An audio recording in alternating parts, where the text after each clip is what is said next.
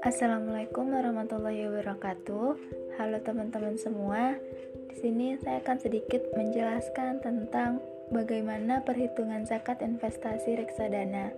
Mungkin untuk beberapa orang sudah mengetahui bagaimana cara perhitungan dari zakat investasi reksadana ini.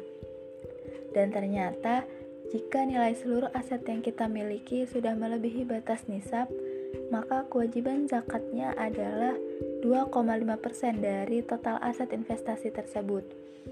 Penetapan reksadana sebagai objek zakat sudah didasari oleh kesepakatan para ulama dalam Muktamar Internasional pertama tentang zakat di Kuwait pada 29 Rajab 1404 Hijriah.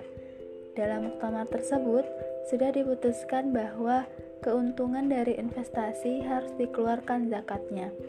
Jadi, Penghasilan dari investasi reksadana pun termasuk objek zakat yang harus dikeluarkan zakatnya. Kemudian Majelis Ulama Indonesia sudah menegaskan tentang adanya zakat pada instrumen investasi.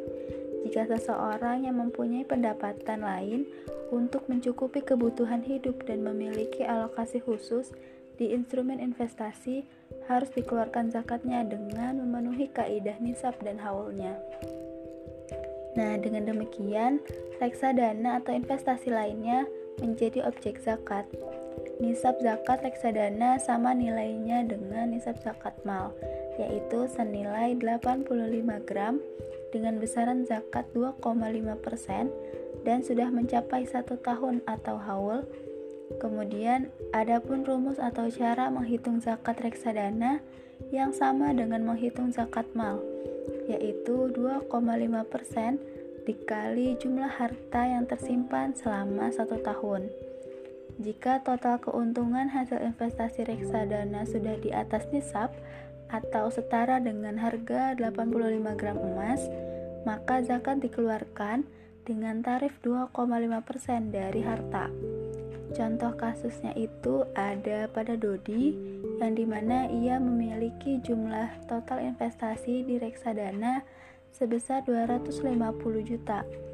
Maka dengan demikian, zakat mal yang dikeluarkan Dodi ini dari kegiatan investasi tersebut yaitu 2,5% dikali 250 juta yang di mana hasilnya 6.250.000 Nah, nilai ini yang harus dikeluarkan untuk zakat investasi reksadananya.